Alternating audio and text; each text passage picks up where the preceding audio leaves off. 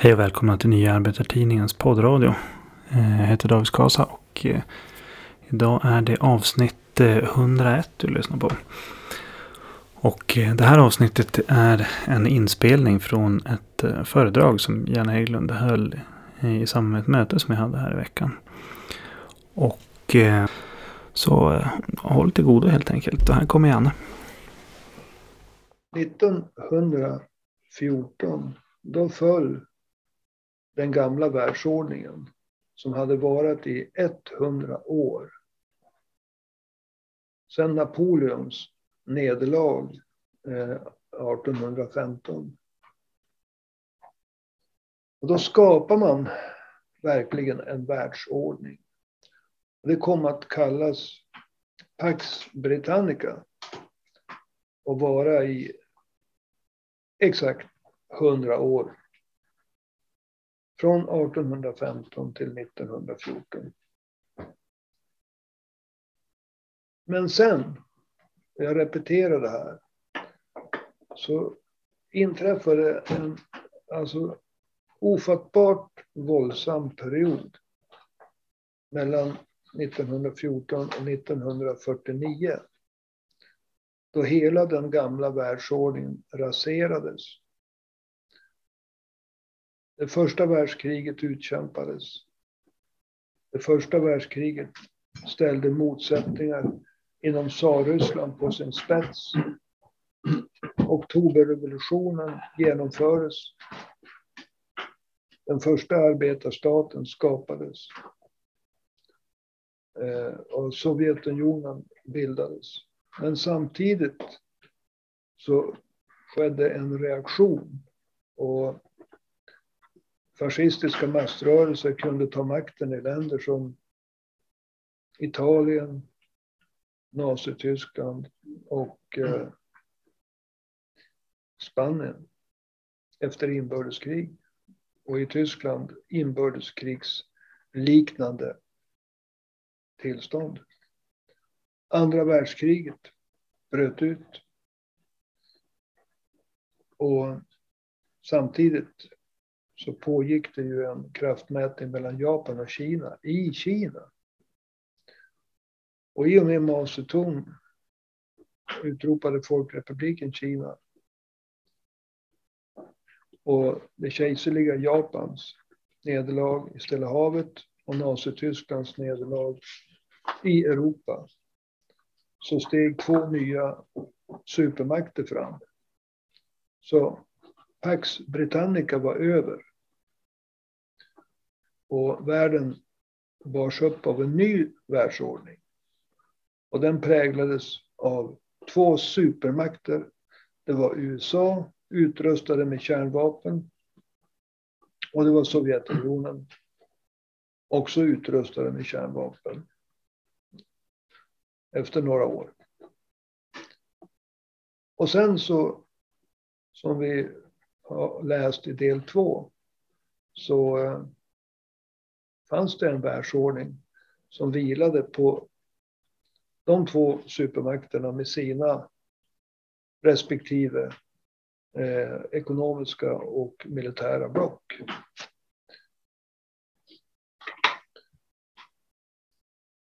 Men jag tänker hoppa över del två och gå direkt in på del tre. För att det är del tre som är den mer jämförande delen. Alltså i del tre så jämför vi dagens våldsamma situation med den våldsamma situation som utspelade sig mellan 1914 och 1949. Det som hände alltså, jag började 1991. Vad som då hände, det var att den första stora förändringen skedde. Den nya världsordningen hade alltså burits upp av USA och, och USAs allierade och Sovjetunionen och Sovjetunionens allierade. Sovjetunionen föll samman tillsammans med östblocket.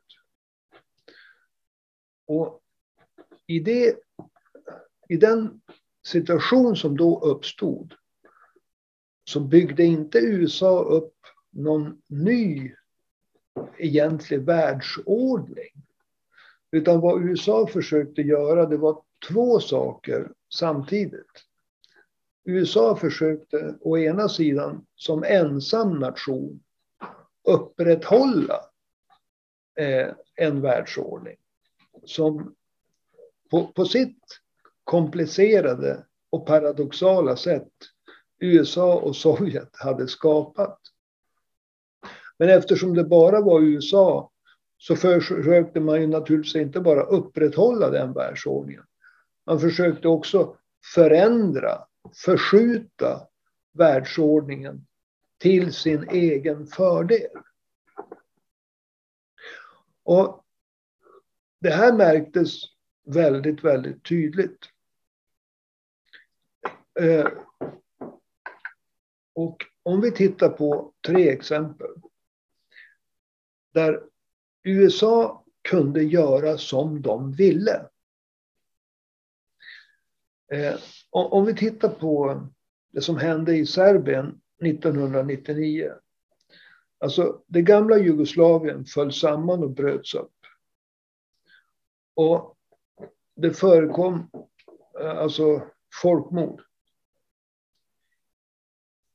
Men det som jag nu berättar det är tre ingripanden av USA helt och hållet utan FN-mandat. USA bombade Serbien, inklusive Serbiens huvudstad eh, Belgrad, alltså det gamla Jugoslaviens huvudstad. Man bombade Serbien under cirka tre månader. Helt och hållet för att man kunde göra det. Det fanns inget FN-mandat för det. Och naturligtvis, det hände fruktansvärda saker. Och serberna var inblandade i folkmord. Eh, framförallt alltså mot eh, då den muslimska befolkningen eh, som fanns i det före detta Jugoslavien. Men man, den, den, fråga som man måste ställa sig det var, gick USA in och bombade Serbien i tre månader på grund av muslimerna? Alltså USAs sätt att behandla muslimerna eh, i kom, när muslimerna konfronterar Israel. USAs sätt att behandla muslimerna i andra länder antyder att eh, jag förnekar inte att eh, serberna begick folkmord. Men det jag vill starkt ifrågasätta, det var att eh, det var omsorgen av, om muslimer.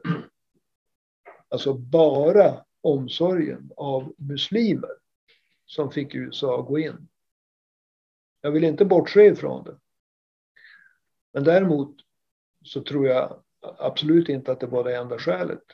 USA bombade Serbien eh, för att man kunde göra det. Man ville visa världen vem som bestämde. Och eh, det gjorde man också.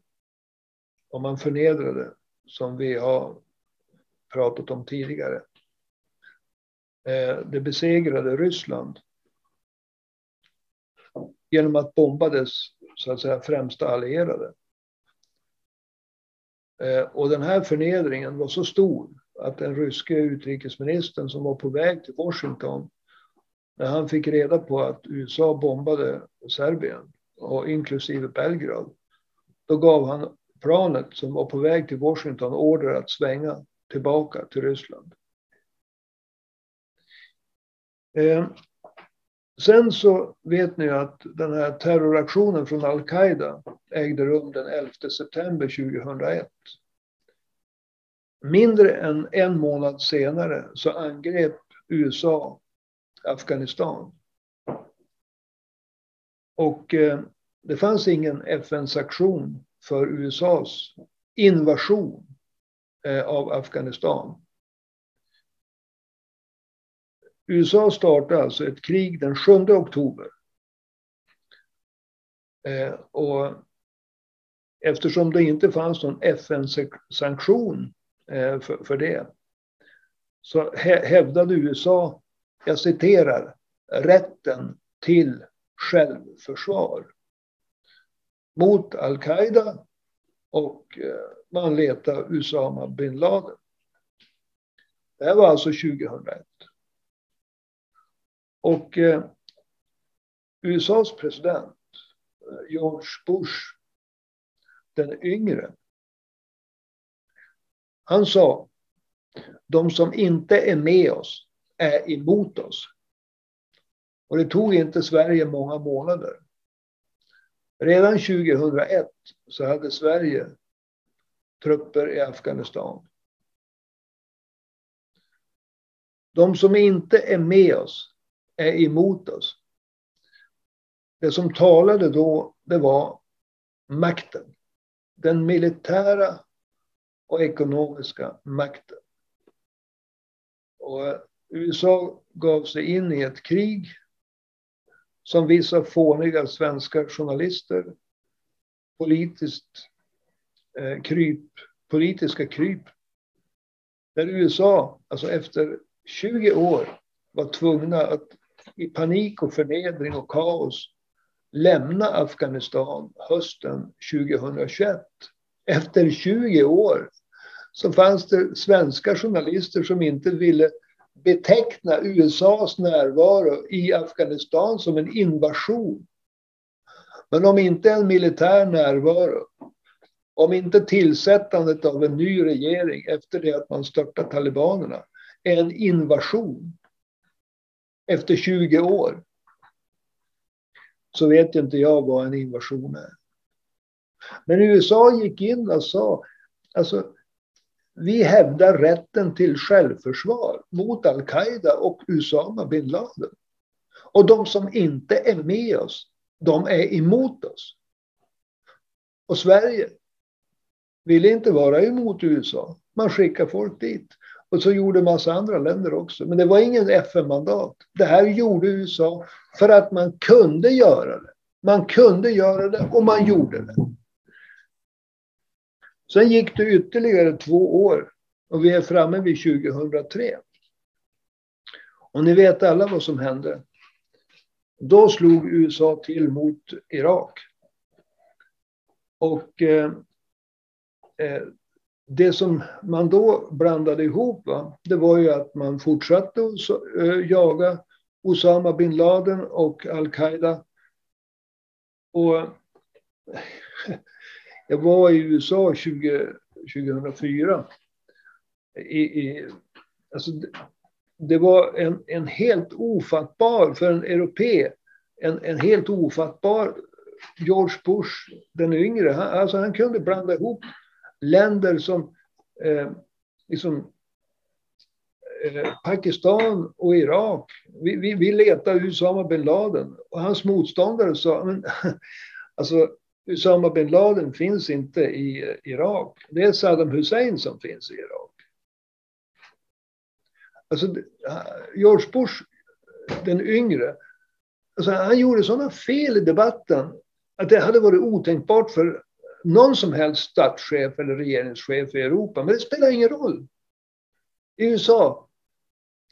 Utan huvudgrejen var de skulle leta fram weapons of mass destruction, massförstörelsevapen.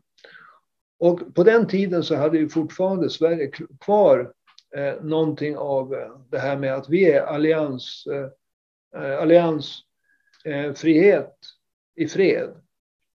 Syftande till neutralitet i krig. Och därför fick Sverige fortfarande medlaruppdrag och andra sådana här uppdrag. Så Hans Blix som var eh, riksdagsman för Folkpartiet.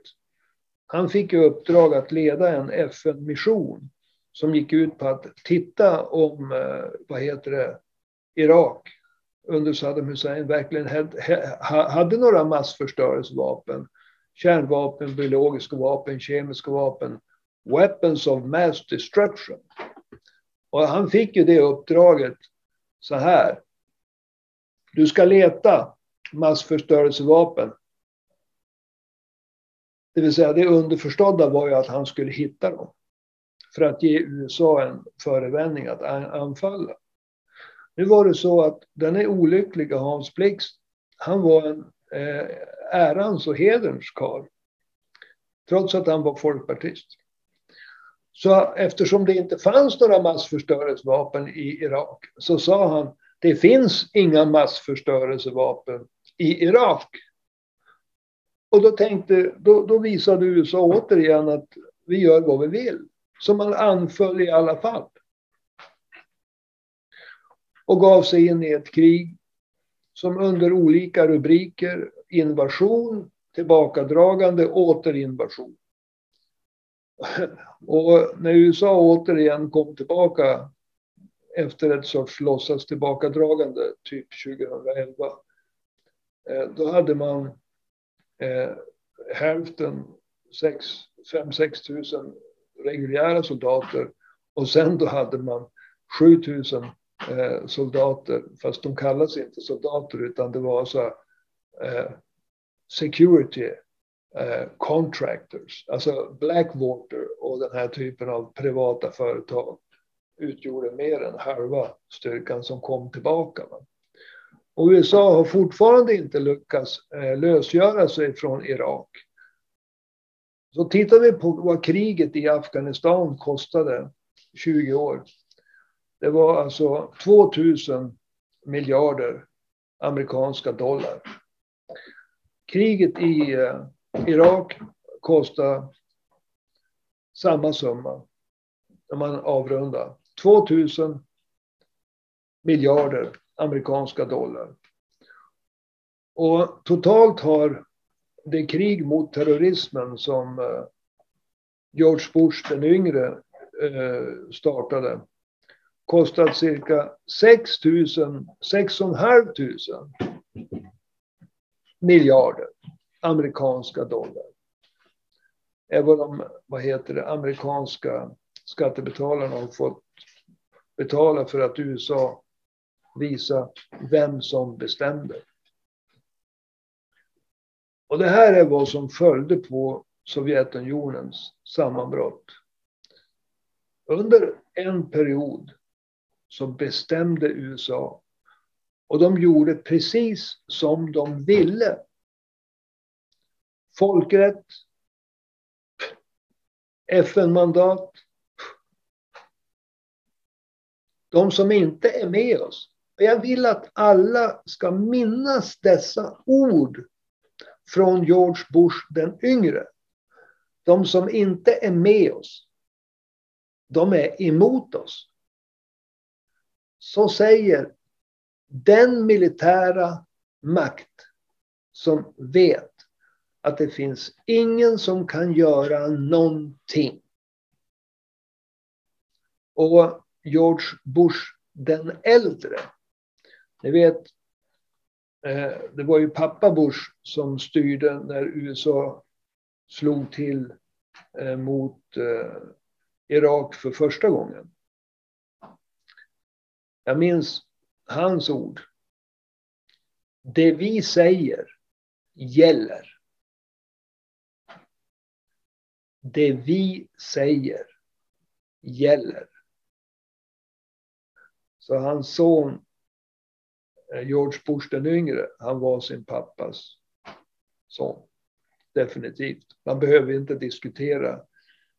Man kanske kan diskutera det biologiska faderskapet. Vem vet? Men inte det politiska. Utan eh, jag vill säga någonting om Madeleine Albright. Eh, hon var USAs första utrikesminister. Och kvinnliga utrikesminister, tack, tack. Hon var USAs första kvinnliga utrikesminister. Och hon hyllas nu som en föredöme. Men låt oss titta på henne i det här sammanhanget av att USA, det vi säger gäller. De som inte är med oss, de är emot oss. Jag tror att det var, vad var det, 60 minutes? Det finns ett amerikanskt program som är ganska tufft som heter 60 minutes. Och då fick hon som eh, utrikesminister frågan. FN säger att den ekonomiska blockaden av Irak har lett till att 500 000 irakiska barn har dött av svält och brist på mediciner. Är det värt det? Är det värt en 500 000 irakiska barns liv, den här ekonomiska blockaden? Och då svarade Madeleine Albright. Ja, det är det. Så, det är ett svårt val, men ja, det är det. Ja, jo visst. Eh, alltså, det är den kvinna eller människa eller vad det nu är som Annie Lööf idag hyllar som ett föredöme för politiskt aktiva kvinnor. Jag kan tänka... Mänskliga Ja, jag, jag kan tänka mig bättre föredömen. Jag kan tänka mig bättre föredömen. Men poängen här är att under en period så gjorde USA vad de ville. Eh, förra gången så pratade vi om att Storbritannien hade ju ett obeskrivligt stort kolonialvälde. Och jag tycker att den kanske mest fascinerande beskrivningen är Indien. Alltså det Indien som Storbritannien besatt, det bestod inte bara av dagens Indien. Det bestod också av dagens Pakistan. Och det bestod av dagens Bangladesh. Och det bestod av det som kallades för Burma, men heter väl Myanmar idag. Och det bestod av Sri Lanka, som kallas Ceylon på den tiden. De här eh, fem staterna idag kallades för det brittiska Indien. Och de har idag 1,5 miljarder invånare. Storbritannien har idag 67 miljoner invånare. Du räknade ut hur många procent? Ja, 4,5 procent. Ja. Alltså, Storbritannien behärskade det som idag utgör relationerna 4,5 procent. Det var det Indien man hade. Alltså 4,5 procent, om proportionerna är de samma, styrde ett Indien. Alltså 67 miljoner styrde ett Indien som nu har 15 1000, alltså en och en halv miljard. Men det var ju inte bara det. Man hade ju det lilla Kanada. Man hade ju det lilla Australien som är en egen världsdel. Man hade ju väldiga besittningar i Mellanöstern. Man hade väldiga besittningar i Nordafrika. Man hade väldiga besittningar över hela Afrika. Och allt det här, det var ju alltså ett välde som ingen, solen går aldrig ner i, i, i det brittiska väldet. Va? Och det var ju sant. Samtidigt, det var svårt att upprätthålla. Det började kosta. Och eh, Japan och USA och även Tyskland gick om rent industriellt Därför att kostnaderna att upprätthålla det här väldet gjorde ju att man måste exportera så mycket kapital för att få ut någonting ur vad heter det, kolonierna. Jag menar, man måste bygga hamnar, järnvägar, gruvor. Och då ska, höjde man de här länderna. Det vi ser nu, det är att USAs roll som världspolis, där man går in under den här tiden, alltså det fanns en sorts eufori bland de amerikanska politikerna. Vi vann. Vi vann. Det, det var vad, vad heter det, eh, de amerikanska politikerna ansåg. Va? Och när det var någon eh, utrikesminister, jag tror han hette Baker eller någonting, som varnade för att man skulle inte förnedra det Eh, besegrade Ryssland, före detta Sovjetunionen. Han skulle inte flytta fram NATOs positioner så mycket.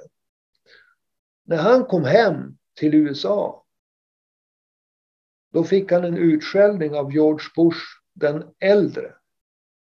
Vi vann, inte de. Och eh, på det sättet var det. Eh, vad, vad, som, vad som sen hände det var att USA kom, kom att visa sig att USA spelade världspolis med lånade pengar. Och den andra punkten som jag tänkte gå in på, det är då alltså vad som har hänt med USAs världsekonomi. Eller USAs ekonomi. Det finns, vi ska inte ha någon ekonomisk grundkurs, va? men det finns alltså eh, ett, ett mått man brukar, man brukar alltså jämföra. BNP, det är ju summan av varor och tjänster som ett land producerar under ett år. Och då brukar man titta på eh, hur mycket skuldsatt ett land är. Och eh, vad heter det? Från år 2020 till år, fr från år 2000 till år 2020, alltså inom loppet av 20 år, så gick USAs skuldsättning upp på ett nästan eh, otroligt sätt. År 2000 så hade den amerikanska statsskulden var eh, 55 procent av BNP. Och det är inte så mycket. År 2020, på två årtionden, så var den amerikanska statsskulden 129 procent av BNP. Alltså från att bara vara 55 procent av BNP till att vara 129 procent av BNP. Och för att få en jämförelse så ska man veta det att förra gången som USAs statsskuld passerade 100 procent av BNP. Det var det sista krigsåret under andra världskriget. Det var 1945. Därför att USA alltså måste rusta och lägga ut så mycket pengar. För man förde ju ett krig i Europa och man förde ett ännu kostsammare krig tror jag i Stilla havet mot japanerna. Och man utvecklade ju också eh, kärnvapen. Så att det är bara under, i samband med krigsrustningarna och kostnaderna för att producera eh, flygplan och stridsvagnar och krigsfartyg och ammunition och allting som hör ett krig till under andra världskriget då passerade USAs statsskuld BNP. Sen har alltså BNP alltid varit större än, än, än statsskulden. Fram till alltså eh, nu, idag. Så på 20 år, från 55 procent till 129 procent. Och det är andra gången i USAs historia Alltså, det kostar att vara världspolis. USA är alltså en, ett skuldsatt land. Eh, det har kostat USA och det finns en, en sorts jämförelse med att upprätthålla ett kolonialimperium. Det är ingen, det är ingen exakt jämförelse. Men USA har väl ungefär, ungefär cirka 80 militärbaser runt hela världen. Jag tror det. Jag tror att det är cirka 80. Och eh, att eh, bedriva eh, krig i 20 år i Afghanistan, att bedriva krig 20 år i Irak, med mera, med mera, med mera. Det, det kostar. Nu vill jag också lägga till en sak. Jag tror att alla förstår den här ekonomiska eh, jämförelsen. Eh, man kan skuldsätta sig om man köper någonting av varaktigt värde. Om jag till exempel eh, köper en jorden runtresa modell deluxe. Och sen så är jag ute och reser i två månader. Jag har lånat upp 100 000. Och sen reser jag i två månader världen runt. Och så när jag kommer hem. Då har jag konsumerat de 100 000 kronorna. Och på mitt bankkonto så finns det på tillgångssidan noll. Och på skuldsidan minus 100 000. För de pengarna är slut. Men om jag istället lånar upp 100 000 som jag köper en bostadsrätt för. Ja, då finns det på skuldsidan minus 100 000. Men på tillgångssidan så äger jag ju min bostadsrätt för 100 000. Så beroende på om man satsar pengarna på att konsumera en lyxresa eller om man satsar pengarna på någonting som har ett bestående värde. Som till exempel att köpa in sig i en bostadsrätt. Så frågan är, när USA har skuldsatt sig, har man investerat i att förstärka sin infrastruktur? Eller har man investerat i konsumtion? Ja, huvudsakligen så har USA investerat i konsumtion. Därför att det har aldrig diskuterats så mycket om att det behövs rustas, rustas upp den amerikanska infrastrukturen som idag. Och de här siffrorna är från 2020. Och Joe Bidens eh, infrastrukturpaket som han har haft enorma svårigheter att få igenom den amerikanska kongressen. De, de har alltså diskuterats alltså efter 2020. Jag ska ta ett exempel. Det är ett makabert exempel på hur eftersatt infrastrukturen i USA är. Alltså vägar, broar, tunnlar, hamnar, flygplatser och så vidare. Och USA är alltså inte lika datoriserat på långa vägar som, som Sverige. Deras skolsystem är absolut inte... Eh, det, det, är nedgånget. Det, det mesta i USA är nedgånget. På östkusten, alltså från eh, Niagarafallen och, och ner till Florida. Så går alla järnvägar genom en och samma järnvägstunnel. Alltså, lyssna noga. Alla järnvägar går genom en och samma järnvägstunnel på ett ställe. Alltså hela östkusten, norr, söder. Denna järnvägstunnel har inte renoverats sedan 1865 det år då det amerikanska inbördeskriget avslutades. Och det här hörde jag i ett program. Det var en professor i, i eh, ekonomi i, eh, jag tror det var Virginia, som tog det som ett exempel på hur fruktansvärt eftersatt den amerikanska infrastrukturen var. Så att det är inte fel att öka sin skuldsättning under förutsättning att man investerar och, och stärker infrastrukturen och sånt. Men militära utgifter i ekonomiska sammanhang, de är en konsumtion. Militära utgifter, de, de, så att säga, de hamnar i, under konsumtions... Eh, eh i bokföringen.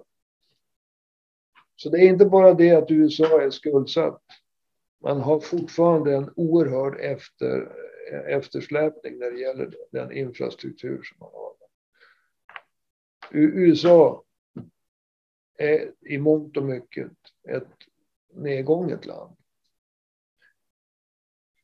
Men det är så med alla gamla stormakter. De har reserver. De har reserver. Va? Men man ska ha klart för sig alltså att de är belånade.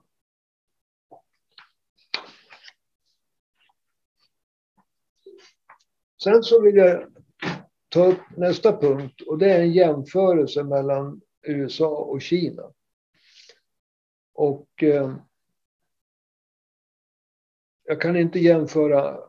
Vi har ju i det här arbetet, alltså världsordningarnas uppgång och fall under hundra år, gjort en rad jämförelser. Det jag tänker göra det är att jag tänkte jämföra alltså industriproduktionens utveckling i USA och Kina. Därför att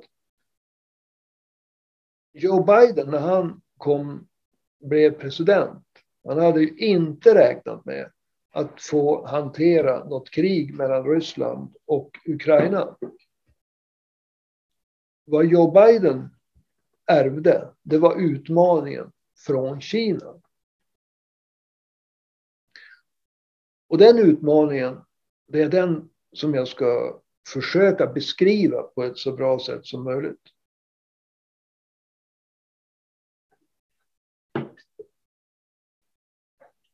Tittar vi på BNP. Det är helt enkelt eh, ekonomins storlek. Det är summan av alla varor och tjänster som ett land producerar under ett år. Då är fortfarande USAs ekonomi den största i världen.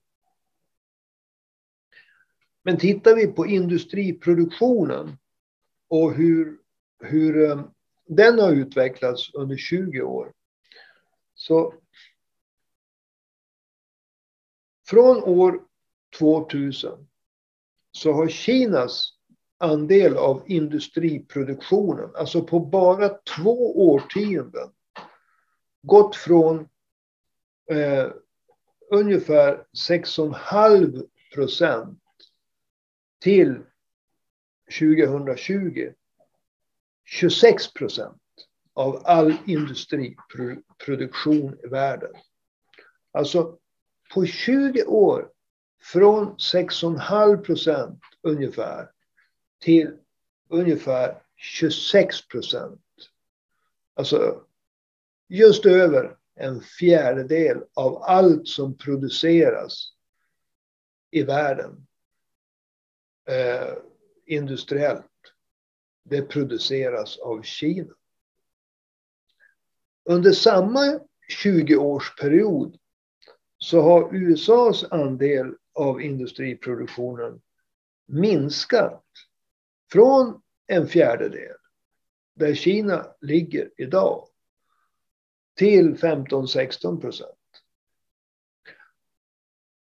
Och det intressanta är inte att titta på de exakta siffrorna. För att siffrorna ger ju bara en ögonblicksbild. Utan det intressanta här är att titta på trenden. Alltså på 20 år, Kina från 6,5 till 26 procent. Det är en ökning som är nästan ofattbart stor. Medan USA har krympt från 25 till 15-16. Så Kina producerar mycket, mycket, har en mycket större andel av världsproduktionen än USA idag. Nu är inte det hela sanningen. Därför att den amerikanska produktionen innehåller mer high tech fortfarande. Va? Och, och, och det, därmed skulle man kunna säga att så därför men till saken hör att när man får volym så då får man också en kvalitativ utveckling. Alltså för att när man producerar mycket då kommer man på förbättringar. När man producerar mycket då har man, utvecklar man egen forskning och man kan dessutom tillgodogöra sig andra länders forskning. Antingen genom att köpa in deras produkter och kopiera dem eller också genom industrispionage. Det har förekommit industrispionage under hela industrialismens vad heter det, historia. Så det är inte någon, någon ny uppfinning. Så poängen är här trenderna. Och jag visste ju att Kina hade gått framåt väldigt mycket. Men jag blev nästan chockad. Alltså på 20 år. Alltså det 20 år, det är nästan ingenting. Jag, jag minns hur, hur ung och fräsch jag var. Alltså 20 år, det var som igår. Va? Ehm, um, 6,5 till 26 procent. Medan USA har krympt. Från 25 till 15-16.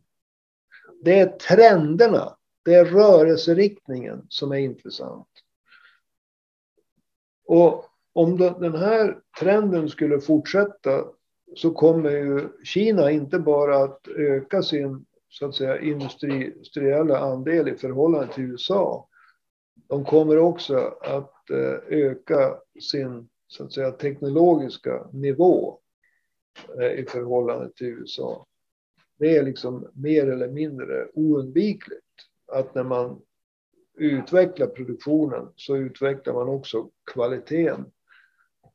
Jag, menar, jag har säkert dragit det här exemplet förut, men när jag började intressera mig för motorcyklar så hade Storbritannien cirka 90, över 90 procent av hela mc-marknaden. Eh, tillverkades av eh, Storbritannien eller Lillbritannien eller United Kingdom. Och japanerna de började först göra dåliga kopior av brittiska motorcyklar. Sen gjorde de lika bra kopior av brittiska motorcyklar. Och sen så började de göra lättmetallsmotorer. Medan de brittiska konservativa, de höll kvar med gjutjärn. Och eh, alltså ett par årtionden senare så gjordes alla motorcyklar i stort sett i världen Eh, utom Norton och Harley Davidson. Ja, jag överdriver lite grann. Italienarna hade fina motorcyklar också. Men japanerna tog över totalt. Det var Honda, Suzuki, Kawasaki. Alltså de sopade rent. Och Storbritannien gick under. Så man börjar med att kopiera dåligt. Sen kopierar man bra. Sen kopierar man bättre. Sen tar man över ledningen själv. Och jag kan ju naturligtvis inte säga att det kommer att ske inom eh, alla områden. Men när det gäller mobiltelefoner så skulle jag vilja säga att en eh, nästan lika bra mobiltelefon från Kina kostar en tiondel av en amerikansk mobiltelefon. Så eh, definitivt alltså att när det gäller den industriella styrkan Eh, så, så har relationerna mellan USA och Kina förändrats oerhört mycket. Och det är inte till USAs fördel.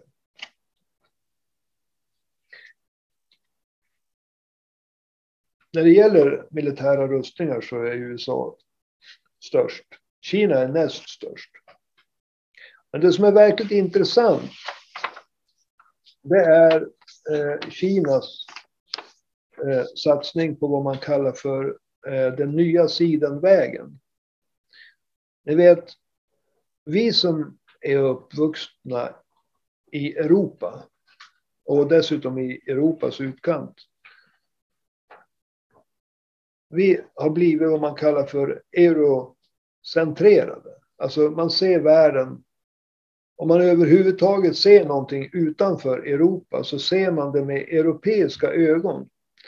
Och idag kanske man ska säga att vi ser det med västögon.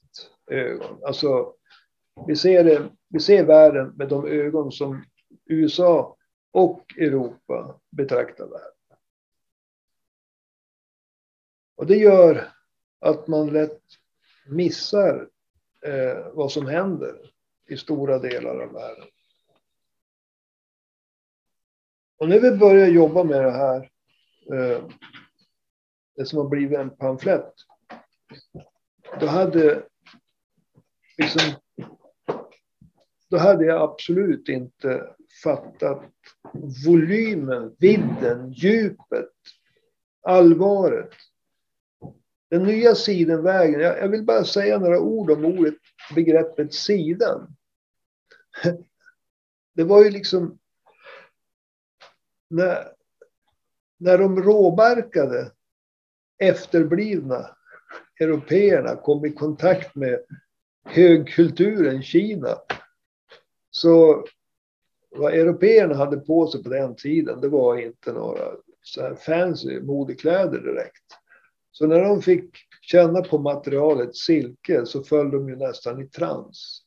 Något så fint, något så fantastiskt material som det som kom att kallas för siden i Sverige. Det, det var nästan som en dröm. Hur kan, hur kan en, en, en, en kultur, hur kan ett land tillverka ett material som är så fantastiskt? Alltså det, det var otroligt. Det därför kom de, de, de, det var ju jättemånga produkter som fraktades med karavaner. Men just det kallades för Sidenvägen eller på engelska The Silk Road. För att just det visade hur, hur högt stående ändå Japan, eller Kina, Kina var. Va? Eh, den nya Sidenvägen den knyter an till det. Och det består, eh, om man tittar på ytan, av att eh, eh Kina vill eh, vad heter det, bygga vägar, järnvägar och motorvägar från Kina till eh, främst Europa. Och man vill också bygga handelsvägar eh, via vattnet. En sydlig rutt via Sri Lanka och Afrika och, och Persiska viken och ja, den vägen. Va? Och sen då så talas det också om en, en nordlig rutt. Eh, runt mellan Alaska och Ryssland och Ishavet och så. Den här, eh, det här kallas också The Belt and Road Initiative. Och eh, Belt, det är järnvägar och vägar. Och Road, det är väl vattenvägarna. Det omfattar 139 länder.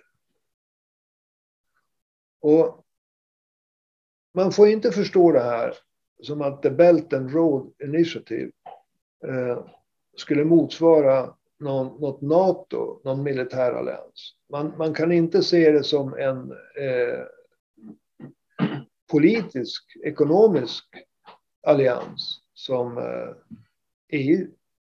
Man kan inte se det som ett frihandelsområde som, som NAFTA. Utan det är någonting helt annorlunda. Kina går in och erbjuder alltså olika länder ett, ett eh, alltså man kallar bilateralt, alltså om det skulle nu vara i Norden. Vi säger så här, Kina säger till Sverige, vi vill utveckla en eh, handelsväg till eh, ja, Finland till exempel. Eh, 50-50. Är ni för det, gynnar det Sverige och det gynnar Kina, så gör vi ett avtal. Och så vänder man sig till Norge. Och så gör man en speciell uppgörelse, 50-50 Norge-Kina. Och så vänder man sig till Finland och så gör man 50-50 ett speciellt avtal eh, Kina-Finland. Och så tittar man på Island och så säger vi ska bygga en bro från Sverige till Island. Det blir en lång bro men vill ni ha det så 50-50. Alltså, det är alltså ingen union, utan Kina gör speciella avtal med alla länder. Och det bygger på att båda länderna ser en fördel. Man Satsa hälften var. Och de länder som ser en fördel, men som inte har råd, då lånar Kina dem pengar. Och när man lånar någon pengar så vill man ha någonting, eh, en garanti. Ifall det här landet inte kan betala så vill man till exempel ha en, eh, en hamn som garanti ifall landet inte kan betala sina lån. Och eh, i Grekland så har man väl tagit Europas eh, sjunde största eh, hamn som garanti. Alla länder i Afrika omfattas mer eller mindre av den här kinesiska, alltså nästan ofattbart stora satsningen eh, på att bygga ut handelsvägarna med resten av världen. Vad, vad, finns det för fördelar för andra länder? Ja, om vi tittar på vad järnvägarna betydde för USA så var det det att en lokal tillverkare av en produkt kunde bara sälja lokalt. Tills järnvägarna kom. Då kunde en firma som tillverkar för 10 000 människor i Virginia plötsligt börja tillverka till hela USA. Från New York över hela kontinenten till San Francisco. Järnvägarna skapar alltså en, en kontinental marknad. De länder som hakar på det här, de eh, får plötsligt tillgång till en nästan världsmarknad. Kina gör en speciell satsning på eh, Pakistan. Därför att man vill komma förbi ett sund som USA dominerar och det är inte alls bra för Kina. Det kan bli farligt ifall det spän blir spänningar mellan USA och Kina. Och USA flyttar alltså idag sina militära resurser och sin politiska uppmärksamhet till Stilla havet på grund av den kinesiska utmaningen. Så Kina vill gärna kom, kunna föra sina varor över land istället för det här trånga amerikanska sundet. Eller USA-dominerade sundet. Men för att kunna bygga ut eh, Pakistan så måste man eh, alltså nästan höja hela Pakistan. Man måste bygga industrier. För att bygga industrier måste man ha elkraft och man måste bygga eh, kraftverk. Men för att kunna få kraftverk, eh, kraften från kraftverket till industrin så måste man bygga ut hela, eh, alltså, hela el, elnätet. Alltså, ja, och så lite hamnar och, och, och, så. På Sri Lanka så ska man bygga en hamn eller ta över en gammal hamn och bygga ut den. Alltså, om vi tittar på Afrika har 1,2 miljarder människor. Och några länder som är med i The Belt and Road Initiative, där, alltså det är länder som Nigeria, Etiopien, Egypten, Kongo, Tanzania och Kenya. Som tillsammans, de en, två, tre, fyra, fem, sex länderna i Afrika har tillsammans 600 miljoner invånare. Pakistan har 230 miljoner invånare tror jag. Men The Belt and Road Initiative tar inte slut i Afrika. Alltså det går till Europa. Det omfattar nästan varenda land i Afrika. Det tar också ett skutt över till USAs bakgård, Latinamerika. Och ni vet, USA har ju konspirerat mot Venezuela eh, hur mycket som helst. Eh, de två länder som är intresserade nu eh, i Latinamerika är bland annat, inte bara de, men Kina har ju så att säga vänt sig till Venezuela. Kina är intresserad av Venezuelas olja. Och de har vänt sig till Kuba. som ju har varit utsatt för en handelsblockad från USA sedan revolutionen 1959. Och helt plötsligt så reser en eh, hög amerikansk eh, politiker till Venezuela med vänskaplig blick och ord efter att ha försökt störta alla så att säga Venezuela-politiker under 20 år. Ni vet, El Presidente, vad var han hette? Chavez. Chavez. Han var ju ständigt utsatt för mordförsök och militärkupper. Inte riktigt som Castro, men nästan. Ja. Men nu är plötsligt USA där och försöker smila in sig. Därför att Kina erbjuder, men vi är intresserade av er olja. Och till saken hör alltså att vad Kina ger, det är 50-50. Det här är ett bra projekt. Vi är intresserade av det i ert land. Är ni intresserade av det? Tycker ni att det här kommer att gynna ert land? Då betalar vi hälften var. Det här är inte utsugning.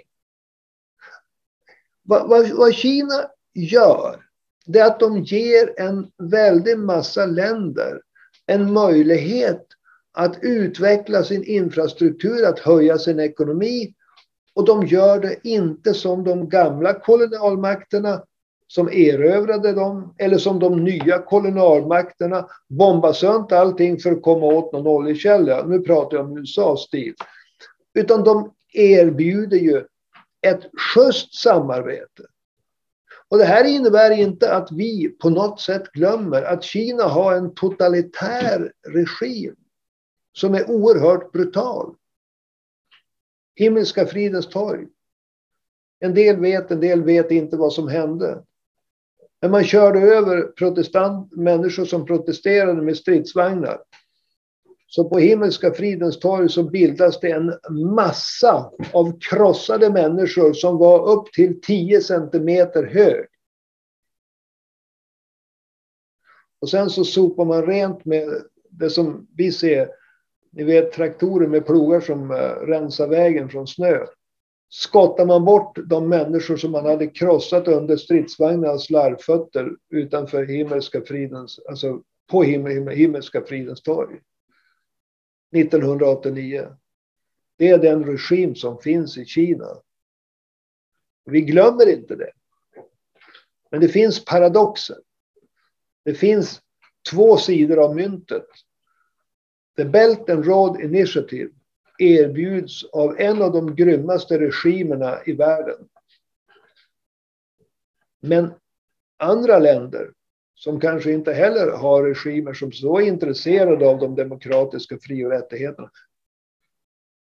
Ja, efter att ha blivit betryckt, förtryckt av den brittiska kolonialismen, efter att ha blivit förtryckt av den amerikanska imperialismen, så kommer en, ett land och, och erbjuder ett, en, en sak som man uppfattar som positivt. Ja, då är frågan, säger man nej på grund av den kinesiska regimen? Dess karaktär? Ja, var och en får ju fundera på den frågan. Eh, I samband med det här, det har varit en, en stor diskussion inom, inom vänsterkretsar om jag nu säger så. Vad är det för karaktär på Kina? Är Kina ett kapitalistiskt land? Eller är det en gammal, eh, ett stalinistiskt land? Ja, med, med en planerad ekonomi. Ja, I Kina finns det två stora sektorer i ekonomin.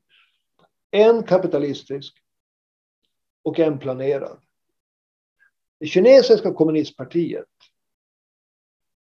Eh, ska man vara med i, även om man har en relativt låg position i privata företag. Den privata delen av den kinesiska ekonomin är väldigt stor. Och jag är säker på att det finns krafter i den som skulle vilja störta kommunistpartiet. Men det är kommunistpartiet som har kontrollen. Och det är kommunistpartiet stödjer sig på den planerade statliga sektorn och den är dominant. Och det finns inget kapitalistiskt land. Eh, för kapitalismen idag, det är vad man kallar för kvartalskapitalism. Alltså de satsade pengarna ska man ha igen, helst snabbare än på ett kvartal. The Belt and Road Initiative. Här lägger Kina ut investeringar som de kanske får igen på 10 år. Eller 15 år. Och det finns inget kapitalistiskt land i mina ögon som skulle kunna göra så långsiktiga investeringar i så många länder om det var ett kapitalistiskt land i grunden.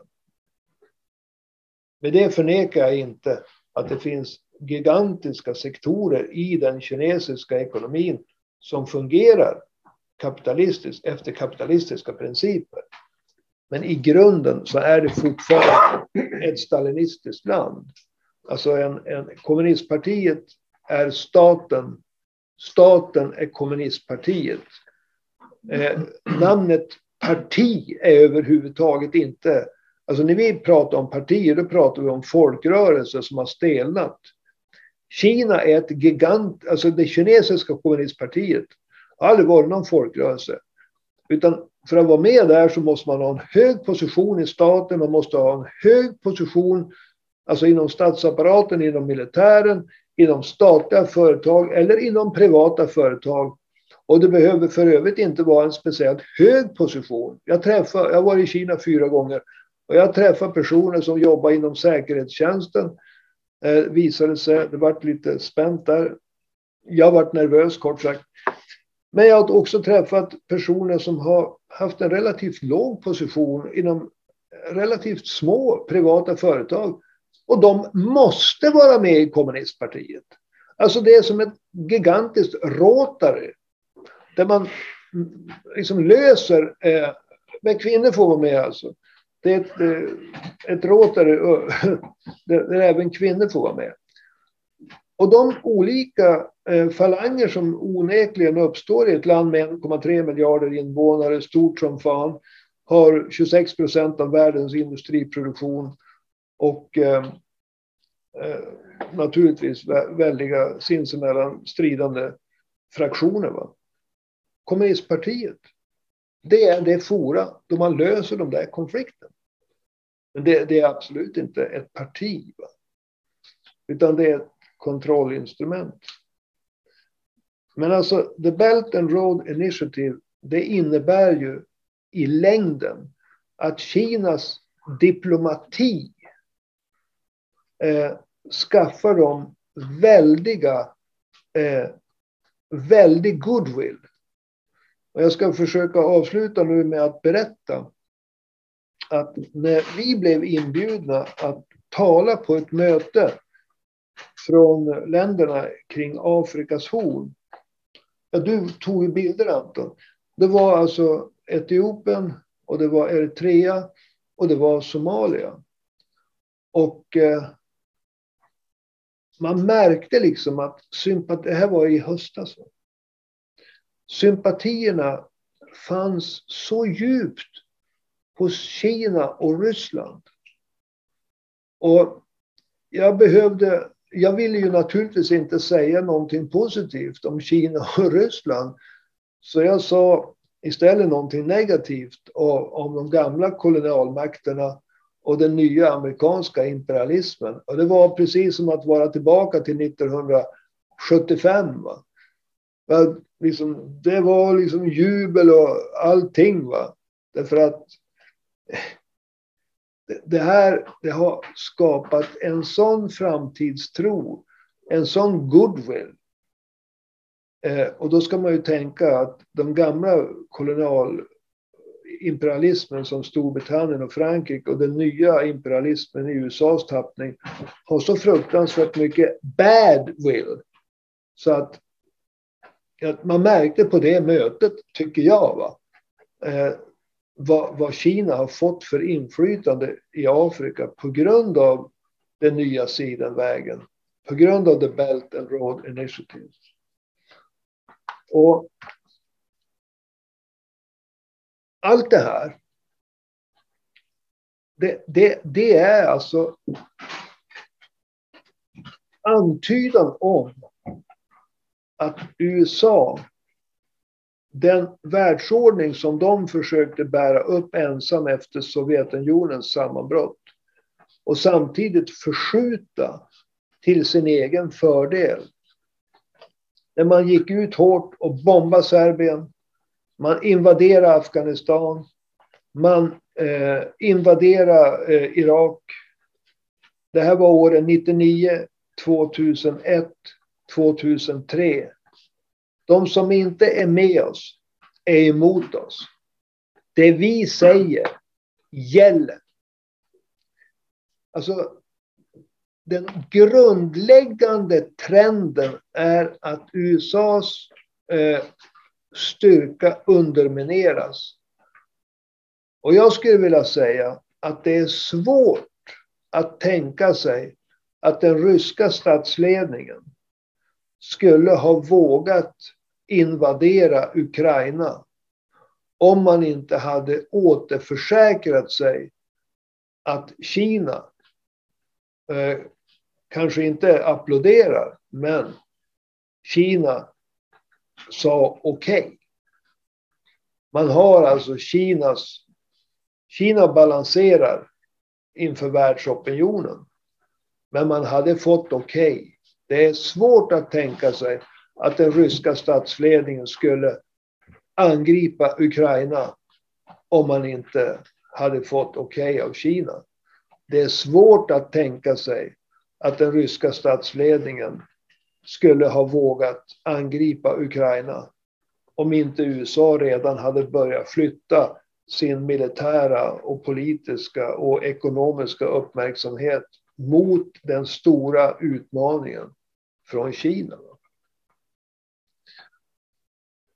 Så att vi måste förstå att vi lever i en tid av gigantiska förändringar.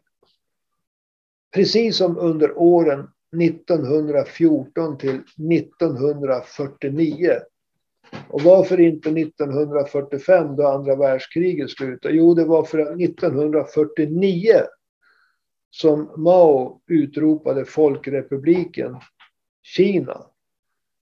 Och det innebar att det land som hade störst befolkning i världen gick från att vara slav under kapitalistiska eh, kolonialmakter va, från Europa till att plötsligt byta sida så att säga och bli eh, kamrater med Stalins Sovjetunionen. Vilket var en helt otrolig chock för västvärlden och framför allt för USA.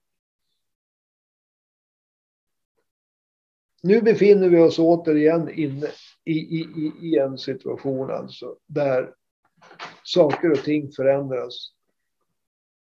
Och vi måste se kriget mellan den ryska statsledningen och Ukraina i, eh, mot bakgrund av det, det jag har, har beskrivit. Eh, och vi har ingen kristallkula, men vi, vad vi kan säga är att i en sån här period det, det, fanns ingen, det fanns ingen lag som sa att det andra världskriget behövde följa på det första världskriget. Och det finns ingen kristallkula som säger att nu kommer det att bli ett tredje världskrig. Eller något nytt storkrig. Men vad vi kan säga det är att när, du, när, när det sker sådana stora styrkeförskjutningar, för, när det sker sådana förändringar, då kommer det att hända saker. Och om de sker på det militära planet eller om de sker i form av handelskrig, det är svårt att säga. Men de sanktioner som väst nu har satt in mot Ryssland, de ekonomiska sanktioner som väst har satt in mot Ryssland, det skulle kunna leda till ett gigantiskt Nordkorea Alltså, det skulle kunna leda till att hela Ryssland omvandlas till ett gigantiskt Nordkorea. Och det är frågan, var det en smart politik? Det är nämligen så att idag öppnade den ryska börsen. Och eh, Gazprom som levererar olja och gas till framförallt hela Europa.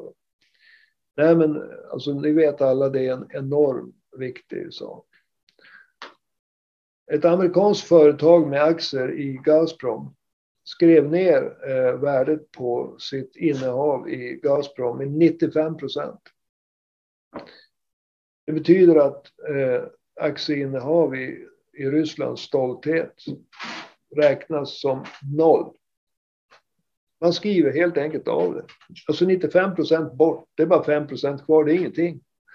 Samtidigt så gick eh, den ryska staten in och köpte upp eh, aktier i Gazprom för, för 10 miljarder dollar. Vad betyder det?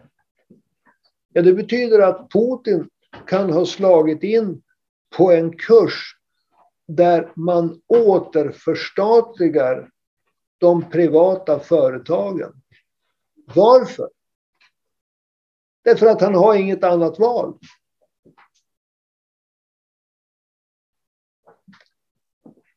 Castro. De flesta tänker att Castro, han var väl kommunist? Nej. De som gjorde revolution på Kuba med Castro i spetsen. Castros förebild var den amerikanska konstitutionen. Castros politiska idol var George Washington, USAs första president. USAs dumhet och eh, fördomar gjorde att man saboterade eh, Kubas ekonomi, alltså direkta sabotage, explosioner, bränder, djävulskap och så en handelsblockad naturligtvis.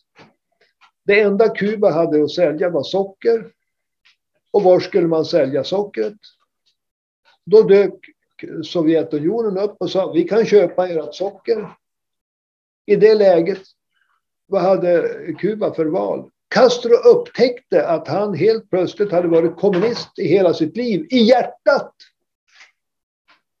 Men alltså, han, det, det fanns ett kommunistparti på Kuba. De hade ingenting med Kubas revolution att göra. Alltså Castro tvingades ta över hela det kubanska näringslivet. Därför att USA tvingade honom att göra det.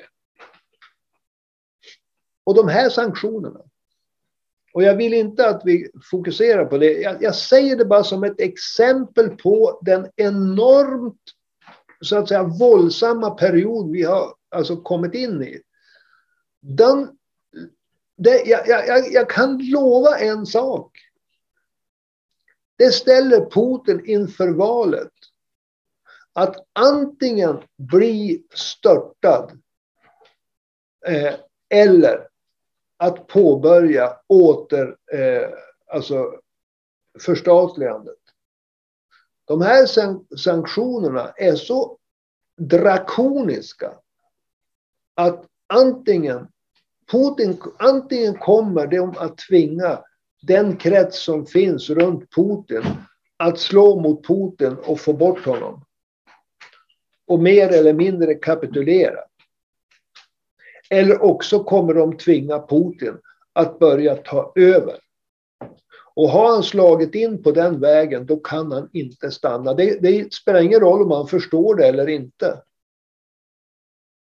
Därför att man tvingas till. Vad är Putin? Han är en högernationalist. Men det spelar ingen roll. Blir Ryssland tillräckligt, eh, vad heter det, vad he, eh, alltså isolerat, då kommer de att tvingas ta över de privata företagen. Och när man har tagit över tillräckligt många, för det är inte så många av så stora, de är stora och de är få, ja då har man avskaffat kapitalismen. Och då har man återigen skapat ett, en isolerad stat. Men den är väldigt mycket större än Nordkorea. Det här är alltså en, ett led i den tid vi lever i. Och det är det som han, det här handlar om. Att försöka förstå den tid vi lever i. Världsordningarnas uppgång och fall. Och än så länge har ingen världsmästare i professionell tungviktsboxning lämnat ifrån sig titeln frivilligt. Ja, utom Rocky Marciano. De andra har blivit utslagna. Och det kan ju hända att USA accepterar att vara en av tre, fyra stormakter frivilligt. Men det kan också hända att man inte gör det. Vi har ingen kristallkula, men vi vet vi lever i våldsam tidevarv. Och därmed stannar jag. Alright. Tack för att du har lyssnat på detta anförande eh, med Jan Höglund. Jag vill säga också till dig som lyssnar eh, att eh, du får gärna sponsra podden med en slant. Vi har ju ett swishnummer som är 123 504 7105. Alltså 123 504 7105. Och det finns också i eh, avsnittsbeskrivningen. Så det är bara att du swishar in ett bidrag. Eh, antingen till eh, Jannes bensinpengar eller för att stötta podden i största allmänhet. Alla bidrag uppskattas, stora som små. Och jag som säger det här heter David Kasa. Vi hörs igen nästa vecka. Hej då!